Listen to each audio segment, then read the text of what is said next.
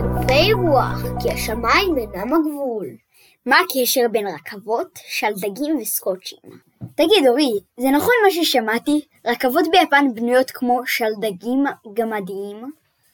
איך יכול להיות שמבנה הרכבת קשור לעולם התעופה, ואיך כל זה קשור לסקוטשים? אוקיי, אני אענה לך במילה אחת. ביו-מימיקרי. אז שלום, לי קוראים אורית, ואני מאוד אוהב תעופה. ולי קוראים נהר, ואני אוהב את חיל האוויר הישראלי ואת העולם העליון. התפקיד שלי הוא להגיב לכל שאלה של נהר. והתפקיד שלי הוא לחרפן את אורי בשאלות הזויות ואיכשהו הגיוניות. ואנחנו צוות שנקרא כנפי רוח. כי השמיים אינם הגבול. אוקיי, אוקיי, קלטנו. טוב, טוב, אורי. מה זה למען השם ביומימיקרי? האמת היא שקוראים לזה ביומימיקרי, שזה ביוונית חיקוי חיים טבעי. אוי, נו, אל תהיה לי קטנוני עכשיו. טוב, בכל מקרה, הזמן לפינתנו חקר או שקר. במשחק זה ניתן לכם שלושה מחקרים אמיתיים ושניים מוטעים, או לפעמים אחד מוטעה וארבעה אמיתיים. אוקיי, אני אתחיל. יש דבר שנקרא קבלר במטוסים, שמבוסס על קורי עכביש. חקר או שקר? וואלה, אה, נשמע הגיוני האמת. טוב, עכשיו תורי לתת עובדה. אוקיי, ידעת שהמטוס הראשון היה מבוסס על דגים? האמת, זה לא נשמע לי נכון. דגים נועדו אמנם לשבור את מים לתזוזה מהירה, אבל הם לא משתווים במהירות לרוב העופות. טוב, אני הגעתי למסקנה, זה שקר! ואתה צודק. מה אתה אומר? יש רחפנים שמזהים את הסביבה בעזרת הקול שחוזר אליהם? ברור. יפה, יפה. ידעתי, כמו שצריך. תגיד, מה דעתך?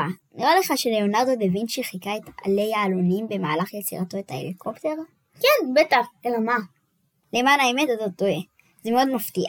כן, אבל ליאונרדו דה וינצ'י גר במקום עם צמחייה די אחידה, והוא לא שמע על העלונים. טוב, יש לנו הרבה מאוד מקרים שונים של ביומימיקרי.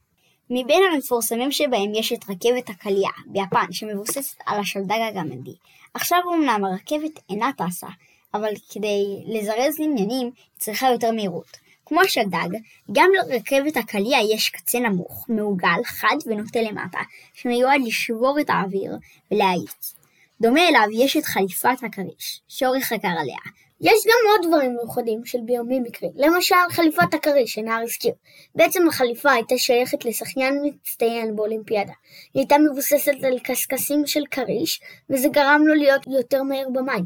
היא גם בוססה על ספינות של הוויקינגים שהיו בנויות על אותו עיקרון, לכן הוויקינגים ידועים כספנים מעולים. וואו, מעניין. אגב, עוד קטע מעניין בנושא ביומימיקרי הוא הסקוץ'. המצאה ישראלית שהתגלתה בטעות כאשר קוץ נדבק על פרוותו של כלב ששייך למדען אחד. בעצם, הסקוט של הטבע. אז כן, עברנו בשלוש דקות על ביומימיקרי, עברנו על רכבות, סירות ונחשו מה, לא על מטוסים. כן מפתיע, אבל כדי להתעמק במטוסים צריך קודם לדעת מאיפה הם הגיעו. טוב, אז בפרק הבא ניכנס יותר לתחום של אגדות על תעופה. אם נהניתם מאוד עכשיו, בטוח תשמחו לשמוע על מתוק מדבש, סיפורי התנ"ך לילדים. אז F15, F16, והפסדתם חמש דקות מהחיים.